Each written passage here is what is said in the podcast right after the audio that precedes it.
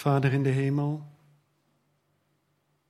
Almachtig God, u die de Allerhoogste bent, uw naam die de Allerhoogste is, u die gezeten bent op de hoogste troon in de Allerhoogste hemelen. U willen we naderen, Heer. En voor u willen we buigen en we willen uw woord onderzoeken. En we verlangen ernaar gevormd te worden naar het beeld van uw Zoon Jezus Christus. En we bidden, Vader in de hemel, dat u dat in ons wil doen.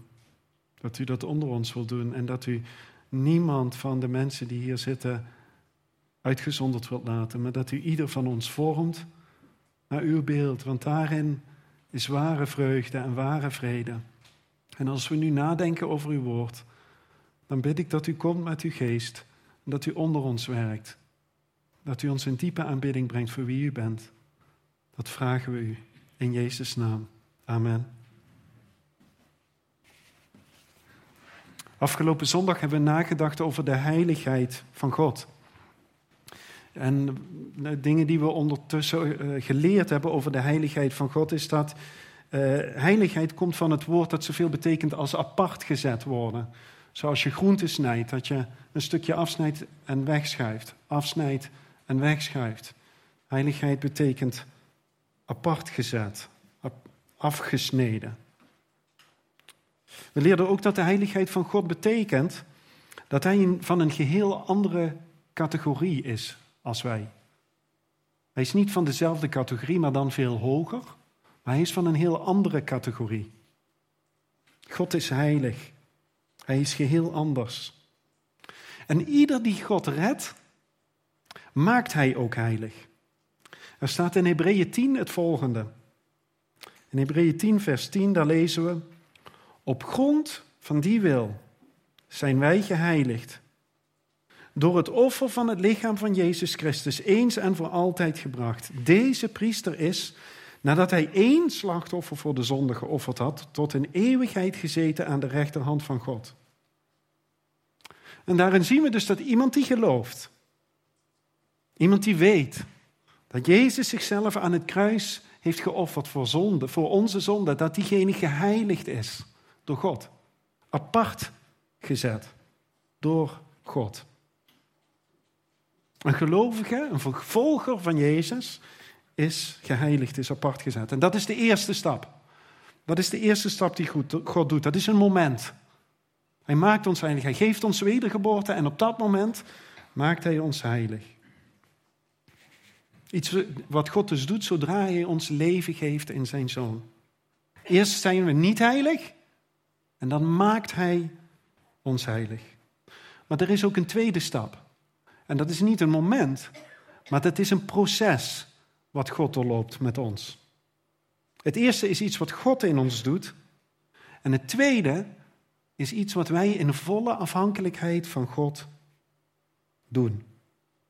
En dat zien we min of meer in Leviticus hoofdstuk 20. Daar schrijft, of daar zegt de Bijbel ons het volgende, Leviticus hoofdstuk 20. Heilig uzelf en wees heilig, want ik ben de Heere uw God. Houd mijn verordeningen en doe ze. Ik ben de Heere die u heiligt. In het Engels hebben ze daar twee woorden voor, voor dat ene moment en voor dat proces. In het Engels zeggen ze, als iemand gered wordt, als iemand heilig gemaakt wordt door God, dan is, is dat to be made holy. Heilig gemaakt, to be made holy. Maar als we het over heiliging hebben, het hele proces dat wij met God doorwandelen, dan noemen ze dat sanctification. Dus in het Engels hebben ze daar twee aparte woorden voor. En kun je het onderscheid goed zien. Nederlands is wat armer. In het Nederlands hebben we niet die aparte, niet dat onderscheid, dat woordelijke onderscheid hebben we niet. Hebben we niet. Dus het, heiligmaking, dat tweede waar ik, nu, waar ik het nu over heb, is dus het proces waarin we, waarin we komen zodra we christen worden. Zodra Hij ons redt. En worden we meer gevormd naar het beeld van Jezus. En gaan we meer op Hem lijken. En daar streven we naar, naar die heiligmaking. Dat zullen we zo meteen lezen. Maar het is niet een streven naar het, het heilige, de, de, de groei in heiliging is niet een streven naar van als ik dit nou doe, dan gaat God mij aardiger vinden. Of dan gaat God mij liever vinden of meer van mij houden. Want hij kan niet meer van jou of van mij houden zodra we christen zijn dan hij van ons houdt. Dat kan niet veranderen. Zijn liefde voor iedere gelovige is altijd volmaakt. En we doen we streven ook niet naar heiligmaking omdat we dan een grotere bediening of belangrijker zijn of al die dingen. Daarom doen we het niet. Daarom streven we niet naar heiligmaking. Iedere gelovige die verlangt naar heiligmaking, omdat we daarin steeds meer gaan lijken op die goede, heilige, rechtvaardige God die ons lief heeft en die naar ons heeft omgezien. Dat is het motief. We verlangen ernaar om op Hem te lijken en om bij Hem te zijn. Het is onze persoonlijke verantwoordelijkheid van ieder die hier zit om daarnaar te zoeken. Zodra je Jezus kent, is het je persoonlijke verantwoordelijkheid om te zoeken naar heiliging in ons leven. En hij wil dit bij jong en oud, bij tiener, bij tachtiger, bij rijk en bij arm, bij man en bij vrouw, bij ieder van ons wil hij dit doen. Want hij wil jou en mij vormen naar het beeld van Jezus. Het is zelfs zo dat heiliging een bewijs is van rechtvaardiging. Dat God ons heiligt en verandert naar het beeld van zijn zoon Jezus Christus, is het bewijs dat Hij ons gerechtvaardigd heeft. Dat Hij ons een kind gemaakt heeft van Hem. Heiliging is een bewijs van rechtvaardiging. Dus willen we ervan overtuigd zijn dat Jezus ons gerechtvaardigd heeft voor God, dan kunnen we zoeken naar het bewijs van heiliging ook in ons leven. En we zijn nu aangekomen bij Filippenzen hoofdstuk 2. En daar schrijft Paulus het volgende in de versen die we vandaag gaan overdenken. Filippenzen 2, vers 12 tot 18. Daarom, mijn geliefde, zoals u altijd gehoorzaam geweest bent, niet alleen zoals in mijn aanwezigheid, maar nu veel meer in mijn afwezigheid, werk aan uw eigen zaligheid met vrees en beven. Want het is God die in u werkt, zowel het willen als het werken, naar zijn welbehagen. Doe alle dingen zonder morren en meningsverschillen, opdat u onberispelijk en oprecht zult zijn, kinderen van God, smetteloos te midden van een verkeerd en ontaard geslacht, waaronder u als lichten in de wereld, waaronder u schijnt als lichten in de wereld, door vast te houden aan het woord van het leven, mij tot roem, met het oog op de dag van Christus dat ik niet te vergeefs heb hardgelopen en mij ook niet te vergeefs heb ingespannen. Maar al word ik ook als een plengoffer uitgegoten over het offer en de bediening van uw geloof. Ik verblijd mij en ik verblijd mij met u allen. En u verblijdt zich daar ook over. Verblijd u dan met mij. We zien heel wat thema's in deze verse. Thema's die we zien zijn gehoorzaamheid aan God, Werken aan onze eigen zaligheid, afkeren van slecht gedrag, vasthouden aan Gods belofte en blijdschap, overduidelijk in de laatste verse. Er zijn heel wat thema's aan deze, in deze verse te vinden, maar als we naar al deze thema's kijken, wat we zien daarin is dat ze allemaal iets met heiliging, heiligmaking te maken hebben. Al die thema's. Ik denk dat als we zelfs het hele Nieuwe Testament gaan bestuderen, dat er maar weinig hoofdstukken zijn in het Nieuwe Testament waar niet over heiliging of heiligmaking gesproken wordt. De Bijbel is er overduidelijk over dat het een heel belangrijk thema is dat we gevormd worden naar het beeld van Gods Zoon. Het is heel belangrijk. En waar we bij gaan uh, nadenken, waar we over gaan nadenken, is het volgende. Ik wil eerst met jullie kijken naar de bron en de start van heiligmaking die we hier zien in deze verse. Wie is die bron? En hoe begint dat, die heiligmaking in ons leven?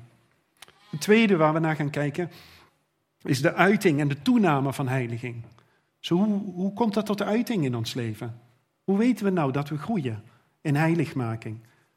En hoe weten we dat het toeneemt in ons leven. En als laatste, visie en volbrenging van heiligmaking. Dus waar hebben we onze ogen op gericht in die heiligmaking? En hoe volbrengt God dat uiteindelijk onder ons? Paulus die schrijft in Filippenzen 2 vers 16a het volgende. Door vast te houden aan het woord van het leven. Hier noemt Paulus de bron van heiligmaking. Het woord van het leven. En daarmee bedoelt hij alle beloften en alle waarschuwingen en alle waarheden die in het evangelie gedeeld worden met ons. Dat is waartoe hij de gelovigen oproept. Dat is waartoe de Bijbel ons oproept. Om vast te houden aan het woord van het leven. Om vast te houden aan die waarheid dat de Heere goed is. En dat Hij heilig is. En dat Hij rechtvaardig is. En dat Hij omziet naar de mens. Dat Hij een schepping gemaakt heeft. Dat Hij de schepping geschapen heeft. En dat alles zeer goed was. En dat de mens zei, ik wil niets meer van u weten. Ik weet dat ik niet van de boom, van kennis van goed en kwaad mag eten, maar ik doe het toch. En de mens keert zich van God af. En de, en de Heere God jaagt de mens na. In zijn geduld. Ieder van ons jaagt hij na. En zoekt hij op. En hij maakt zijn zoon Jezus Christus aan ons bekend. En hij zegt, ik stuur hem, mijn zoon, mijn enige geborene, naar deze aarde. En Jezus zegt, de tweede persoon in de Godheid zegt, ik zal mijn leven opgeven aan het kruis op Golgotha. Ik zal een perfect leven voor jou, voor mij, voor ieder van ons leiden. Ik zal mijzelf opofferen en een volmaakte offer aan het kruis geven op Golgotha. En de Heilige Geest zegt, en dan kom ik. En dan werk ik wedergeboorte in ieder die door God uitverkoren is. Allemaal waarheden. Allemaal, allemaal beloftes. En ook waarschuwingen. Hij zegt, ieder die tot mij komt, zal voor eeuwig bij mij zijn. En zal ik vormen naar het beeld van mijn zoon Jezus Christus. En dan komt er een moment dat je voor eeuwig bij hem mag zijn. En dan is er een eeuwigheid in die vreugde en in die vrede van God. Maar degene die het afkeert, die zich afkeert en die zegt, het is niet voor mij. En die zegt, ik heb de wereld liever dan het evangelie van Jezus Christus. Voor hem komt er oordeel. Voor hem is er een eeuwigheid zonder God. Een eeuwigheid zonder die goede, liefdevolle, geduldige, heilige, rechtvaardige God. En dit is het woord van het leven. Dat God aan ieder mens verkondigt. Dat God aan jou en mij verkondigt. Iedere dag opnieuw. En hij zegt, dit zijn de beloftes. Dit zijn de waarheden. Dit zijn de waarschuwingen die ik jou, die ik ons, die hij ons voorhoudt. Het woord van het leven. Het woord van het leven. Houd u daaraan vast, staat hier. Daar zien we de start. Daar zien we de start. Daar zien we de bron. Jezus Christus is de bron. De Bijbel is onze bron. En als we dit zien, als we deze dingen zien en geloven en als het ons innerlijk verandert, dan hebben we wedergeboorte ontvangen en zijn we heilig gemaakt. Maar het is ook het moment waarop God een proces van heiligmaking in ons start.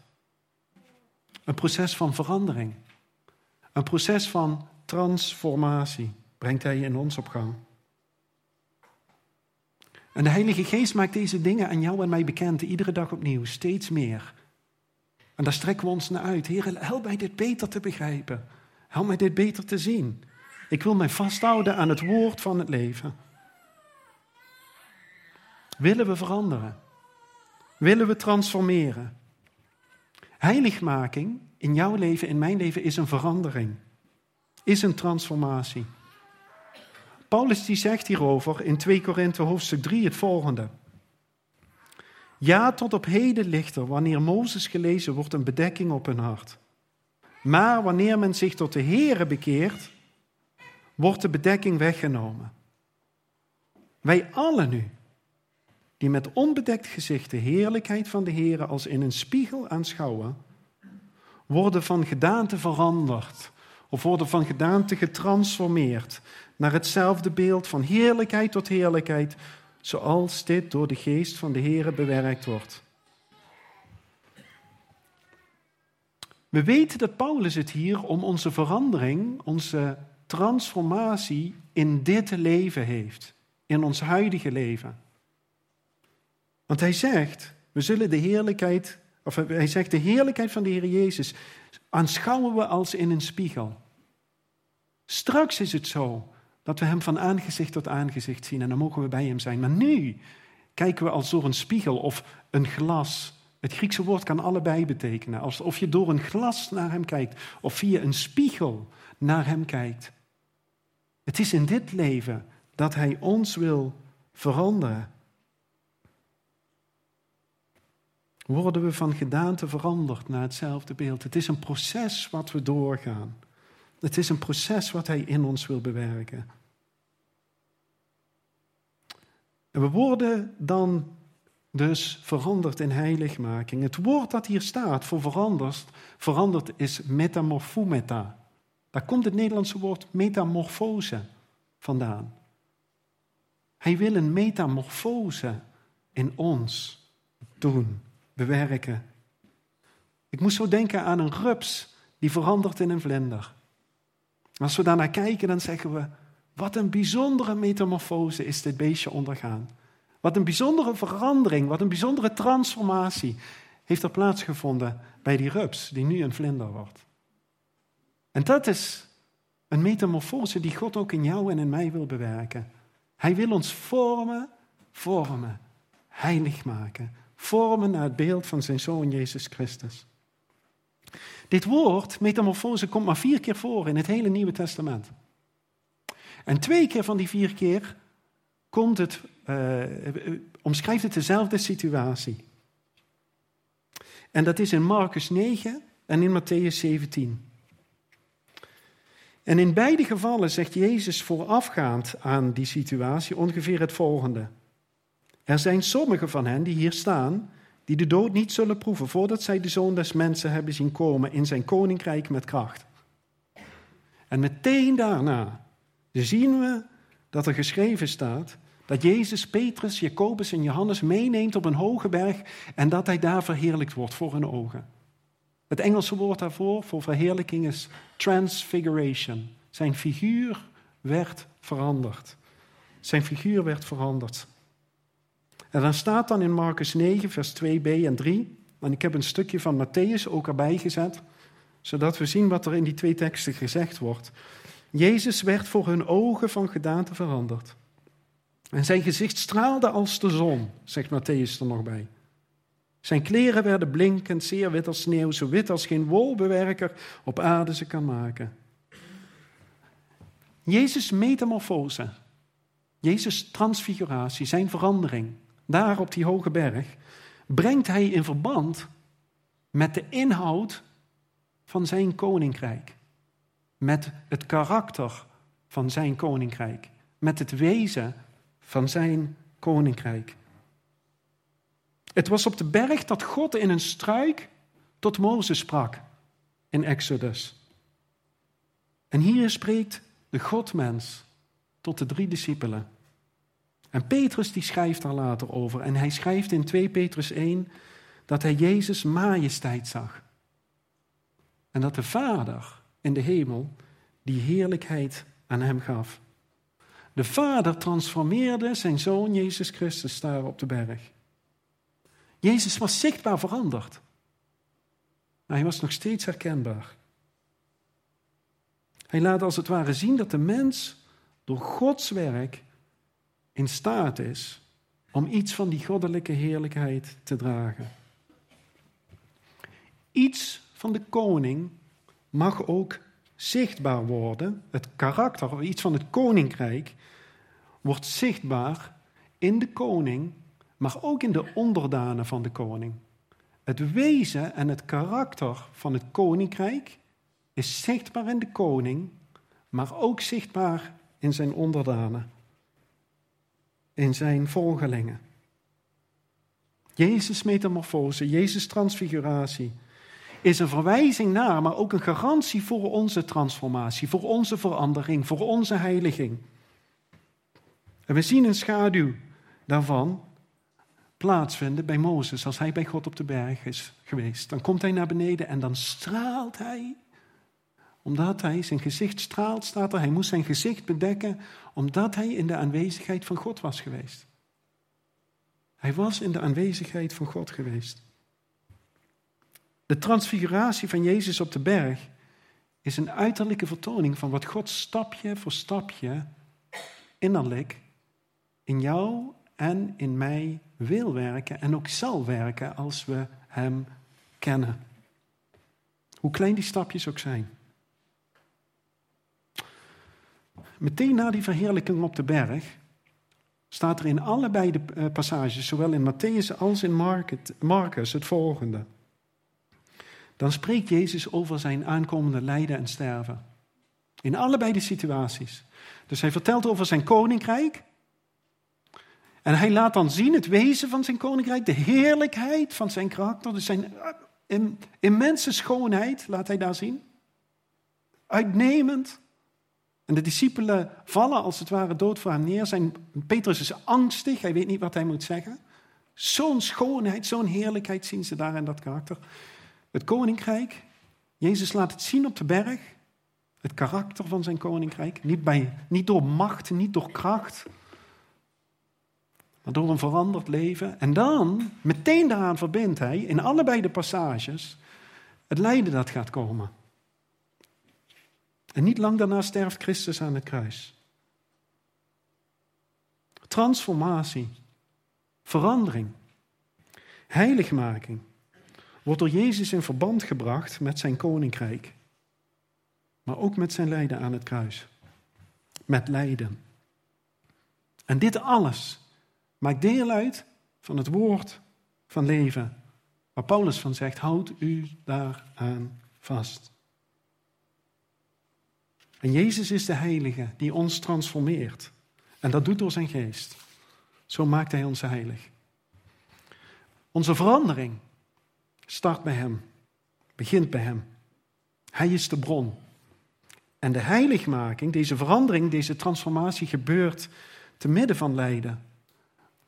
Te midden van het dragen van ons eigen kruis. En daarin zien we ook of we bij zijn koninkrijk horen. Daarmee komen we bij hoe, hoe, heiligmaking zichtbaar wordt. Paulus schrijft in de versen 12 tot en met 15 van de tekst van vandaag. Zoals u altijd gehoorzaam geweest bent, niet alleen zoals in mijn aanwezigheid, maar nu veel meer in mijn afwezigheid. Werk aan uw eigen zaligheid met vrees en beven. Want het is God die in u werkt. Zowel het willen als het werken naar zijn welbehagen. Door alle dingen zonder morren en meningsverschillen opdat u onberispelijk en oprecht zult zijn, kinderen van God, smetteloos, te midden van een verkeerd en ontaard geslacht, waaronder u schijnt als lichten in de wereld. En sommigen, die lezen dan wel eens de woorden, werk aan uw eigen zaligheid met vrees en beven, en die stoppen dan en zeggen, zie je, ik moet het doen. Zie je, ik moet het doen. Mijn zaligheid en verlossing hangen van mezelf af. Maar dat is niet wat de Bijbel hier onderwijst. We moeten verder lezen. Want God zegt daarna, of daar staat daarna, want het is God die in u werkt. Zowel het willen als het werken naar zijn welbehagen. Hij is degene die het in jou en door jou heen wil doen. Maar, zegt Paulus, dat neemt onze verantwoordelijkheid niet weg. We streven niet lukraak als activisten naar van, oh, ik, ik wil heiliger worden. Maar we gaan ook niet passief zitten en wachten tot, nou God, gaat u maar eens wat doen in mijn leven. Allebei niet. We strijden en we streven met vrees en beven in afhankelijkheid van God die in jou en mij wil werken. Hij wil jou veranderen. Hij wil jou heilig maken. En dat doen we in volle afhankelijkheid van Hem. Onze verandering, onze heiligmaking is niet iets dat als vanzelf komt. Het is iets waaraan we als gelovigen willen werken. En dat doen we met diep ontzag voor en in afhankelijkheid van God. Hij alleen kan het in ons doen. Hij wast ons schoon van onze zonden, maar hij wil ons ook bekering in ons werken van iedere zonde. Paulus die zegt hier in deze verse die we net lazen, doe nou alles zonder morren. Doe alles zonder meningsverschillen. Morren, dat doe ik als dingen mij tegenzetten. Dan ga ik zitten klagen. En Paulus zegt, als dingen tegenzitten, dan mor je dus niet. En helemaal aan het begin van deze verse zegt hij, wees gehoorzaam zelfs als ik er niet ben. Maar gehoorzaamheid komt juist tot uiting als we het niet eens zijn met iets. En Paulus zegt dus tegen ons dat de heiligheid, onze heiligheid tot uiting komt als we niet morren als dat wel verwacht wordt en als we gehoorzamen als dat niet verwacht wordt. Als dat niet vanzelfsprekend is. Een aantal weken terug lazen we in Filippenzen 2 vers 8 het volgende, toen we in de, over die versen nadachten. En over de Heer Jezus staat er, en in gedaante als een mens bevonden, heeft Jezus zichzelf vernederd en is gehoorzaam geworden tot de dood, ja tot de kruisdood. Jezus is de Hemelse Vader altijd gehoorzaam geweest. Maar gehoorzaamheid tot in de dood is een ontzettend verregaande gehoorzaamheid. En Jezus gehoorzaamde de Vader door al het oordeel heen wat hij droeg aan het kruis op Golgotha. Door alle pijn en door die moeite heen. En daarin zien we het karakter en de heerlijkheid van Jezus Christus tot in, in uitstek tot uiting komen. En zo is het ook bij ons. Zo is het ook bij ons. Heilig leven en God gehoorzamen is voor ons het moeilijkst als het leven tegenzit. Dan is het soms ook het moeilijkst om bij Hem te zijn, omdat we soms misschien nog zo vastzitten aan de wereld. En als dingen niet gaan zoals ik wil, dan is het moeilijk voor mij soms om aan Hem vast te houden. Als ik verliezen leid, is het moeilijk om vast te houden aan het woord van God. Als ik verdriet heb of boos ben. En dan wordt zichtbaar of ik bereid ben en of ik me uit wil strekken naar een heilig leven. En als we daarvoor niet als kinderen van God geleefd hebben, dan is het op dat moment ook, komt het dan ook pas tot uiting. Of vaak komt het dan tot uiting dat we ons niet vasthouden aan het woord van God. Dan houden we ons niet aan Hem, niet aan Zijn woord vast. En dan wordt het zichtbaar voor onze omgeving. Toen moest ik er zo aan nadenken. Ik hoop dat, dat ieder van ons iets kent van die nacht die geestelijke nacht die je misschien ervaart soms. Dat je worstelt met zonde. En dat je af wil rekenen met zonde in je leven. En dat je zegt, Heer, ik, de oude, die oude Jeroen, die moet gekruisigd worden. Ik worstel dan soms. En ik hoop dat we dat allemaal een stukje kennen. Dat we zeggen, ja Heer, ik wil er vanaf. Want het brengt mij geen vreugde om zo te leven. De vreugde die ik vind, die vind ik alleen in u. En het is vaak ook pas na het rouwen daarom, na de worsteling die je meemaakt, na de moeite om de zonde die je begaan hebt, dat, dat het licht pas weer schijnt. Dat zijn heerlijkheid in ons leven schijnt. Dat we iets mogen zien van de afstraling van zijn heiligheid. Zoals Petrus, Jacobus en Johannes daar iets van zagen op die hoge berg. Midden in de strijd, midden in onze moeite houden we ons vast aan Hem dat is wat Paulus zegt. Vast te houden aan het woord van het leven. Het is een vasthouden aan, een vastklampen aan Hem. Ons zelf herinneren aan Zijn beloften en aan Zijn waarschuwingen. En soms moet ik gewoon dat tot mezelf preken. Gisteravond zaten we aan tafel en toen lazen we de Bijbel. En toen waren we met elkaar over 1 Samuel 12 aan het nadenken. En ik was klaar. En Patrice die nam me apart na, daarna. En toen zei ze, did you preach that to yourself? Heb je dat ook tegen jezelf gepreekt? Soms moeten we dat tegen onszelf preken. Tegen onszelf zeggen, oh Heer, deze beloftes en deze waarheden, help me eraan vast te houden. Help me eraan vast te klampen. Des te langer het zakje, het theezakje, in de mok zit, in de mok met heet water, des te sterker wordt de thee. Des te meer zijn woord ons denken verzadigt. Des te meer we in de Bijbel zitten en ons verzadigen met zijn woord. Des te sterker het fundament voor onze heiligmaking. Wees in het woord van God. Neem het woord van God tot je. Neem zijn beloftes en zijn waarschuwingen en zijn waarheden tot je en preek ze tot jezelf. We kunnen niet groeien in heiligmaking zonder ons aan Hem en aan Zijn woord vast te klampen. En bij uitdagingen in het leven worden die het meest getoetst. Lukt het ons dan om juist in die moeite Hem te gehoorzamen? Zien ongelovigen, familieleden, gemeenteleden, mensen om ons heen, collega's, dat er iets aan ons is wat anders is? Is er een toename van gehoorzaamheid aan Jezus in ons leven te zien? Een toename van ons wandelen met Jezus in ons leven te zien? En Hij wil ons toetsen daardoor, dat we het zelf ook zien. Hij ziet het, Hij weet het, maar Hij wil het ook in ons bewerken, zodat we zelf zien. Het lukt me. Ik kan in de moeite aan u vasthouden. En als de moeite toeneemt, houd ik mij nog meer aan u vast. We lazen net 2 Korinthe 3, vers 18. Wij allen nu, die met onbedekt gezicht de heerlijkheid van de Heer als in een spiegel aanschouwen, worden van gedaante veranderd of getransformeerd naar hetzelfde beeld van heerlijkheid tot heerlijkheid, zoals dit door de geest van de Heer bewerkt wordt. Hij wil ons veranderen. Hij wil ons innerlijk veranderen. Van heerlijkheid tot heerlijkheid. En de geest doet dat. Het is een proces door alle uitdagingen heen.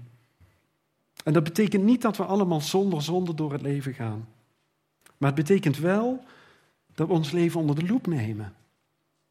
En dat we een toenemend wandelen met Hem, gehoorzaamheid aan Hem, liefde voor Hem zien. Dat de algemene toon van onze film een leven van groei is. We lazen net in vers 15 van Filippenzen 2, van de tekst van vandaag. Dat als dat zo is, dan schijnen we als lichten in de wereld. Petrus, Jacobus en Johannes zagen Jezus daar schijnen in zijn heerlijkheid bovenop de hoge berg. En hier zegt Paulus, groei in heiligheid. Strek je ernaar uit, zodat je schijnt als lichten in de wereld. Hij roept ons op om beelddragers. Gods woord, God zelf roept ons op om beelddragers van Hem te zijn. Maar hoe houd ik dit vol? Hoe houd ik dit dan vol als er veel moeite in het leven is? Als er veel tegenzet? Als er veel anders gaat dan je gehoopt had? Als je terugkijkt op je leven en je zegt: Dit is niet wat ik gehoopt had. Of dit is anders dan ik gehoopt had. Hoe lukt het ons dan om die strijd te volbrengen? Om de marathon uit te rennen en om door die nacht te komen? Paulus die schrijft in Filippenzen 2, vers 16 het volgende: Met het oog op de dag van Christus, dat ik niet te vergeefs heb hard gelopen en mij ook niet te vergeefs heb ingespannen. Toen we redelijk aan het begin van de serie over de Filippense brief bezig waren, toen zagen we in Filippenzen 1, vers 10 dat Paulus ook de dag van Christus noemde. Hij verwijst naar de wederkomst van Jezus Christus. De dag waarvan de Bijbel zegt dat hij groot en onzagwekkend is en als een verrassing zal komen voor iedereen. En wanneer Jezus in Lucas 17 spreekt over zijn wederkomst, dan zegt hij dat we ons iemand moeten herinneren. Weet er iemand waarvan, uh, wie dat is, waar Jezus van zegt, als je aan mijn wederkomst denkt, herinner je dan die persoon? Is er iemand die weet naar wie Jezus dan verwijst, welke naam hij dan noemt? Ik hoor het niet.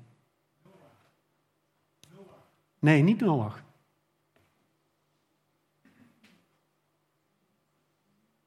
De vrouw van Lot. Hij zegt, denk aan de vrouw van Lot als ik terugkom.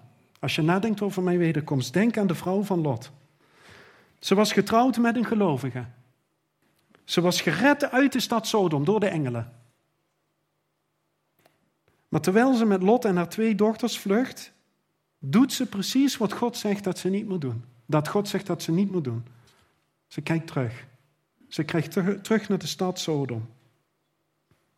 Ze was zo gehecht aan de stad dat ze het niet kon laten om achterom te kijken. En haar blik achterom op dat moment openbaarde haar ware karakter. Tot op dat moment denk je, Lot en zijn vrouw en de dochters zijn gered. Ze zijn allemaal door de engelen de stad uitgenomen. Maar op dat moment kijkt ze om. En zien we de ware aard van, de, van het karakter van de vrouw van Lot. En verandert ze in een zoutpilaar. Sterft ze. We zien haar hart. Na zo lang met God een ander leven geleid te hebben, blijkt het andere leven niet voldoende geweest te zijn voor, het vrouw, voor de vrouw van Lot. Ze was zo gehecht aan de wereld en draaide zich om en veranderde in die zoutpilaar. En Jezus zegt, als je denkt aan mijn komst, denk aan haar. Strek je je naar mij uit en groei je naar mij toe of zit je nog vast aan de dingen van de wereld? Jezus zegt, onderzoek je hart. De vrouw van Lot leek in alle opzichten veilig, totdat ze op het laatste moment omkeek. Haar visie, haar visie was op wat de wereld te bieden had. Laat onze visie zijn op wie de Heer is. En op Zijn heerlijkheid. Op Zijn schoonheid. Op de God van hemel en aarde. Hij die alles gemaakt heeft, die jou en mij geschapen heeft in de moederschoot. Die ons kent beter dan wie dan ook. Die ons lief heeft. Zozeer zelfs dat hij zijn zoon Jezus Christus opoffert aan het kruis op Golgotha. Alles geeft hij. En Jezus zegt, heb je oog op mij gericht? Ik kom terug. Ik kom terug om jou te halen. Ik kom terug op jou te om jou te halen. Wees voorbereid. Leef naar die dag toe.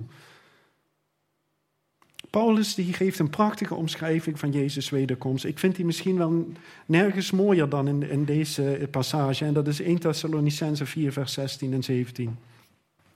Want de Heere zelf zal met een geroep, met de stem van een aartsengel en met een bazuin van God neerdalen uit de hemel. En de doden die in Christus zijn, zullen eerst opstaan. Daarna zullen wij, de levenden die overgebleven zijn, samen met hen opgenomen worden in de wolken, naar een ontmoeting met de Heer in de lucht. En zo zullen wij altijd bij de Heer zijn. Zo zullen wij altijd bij Jezus zijn.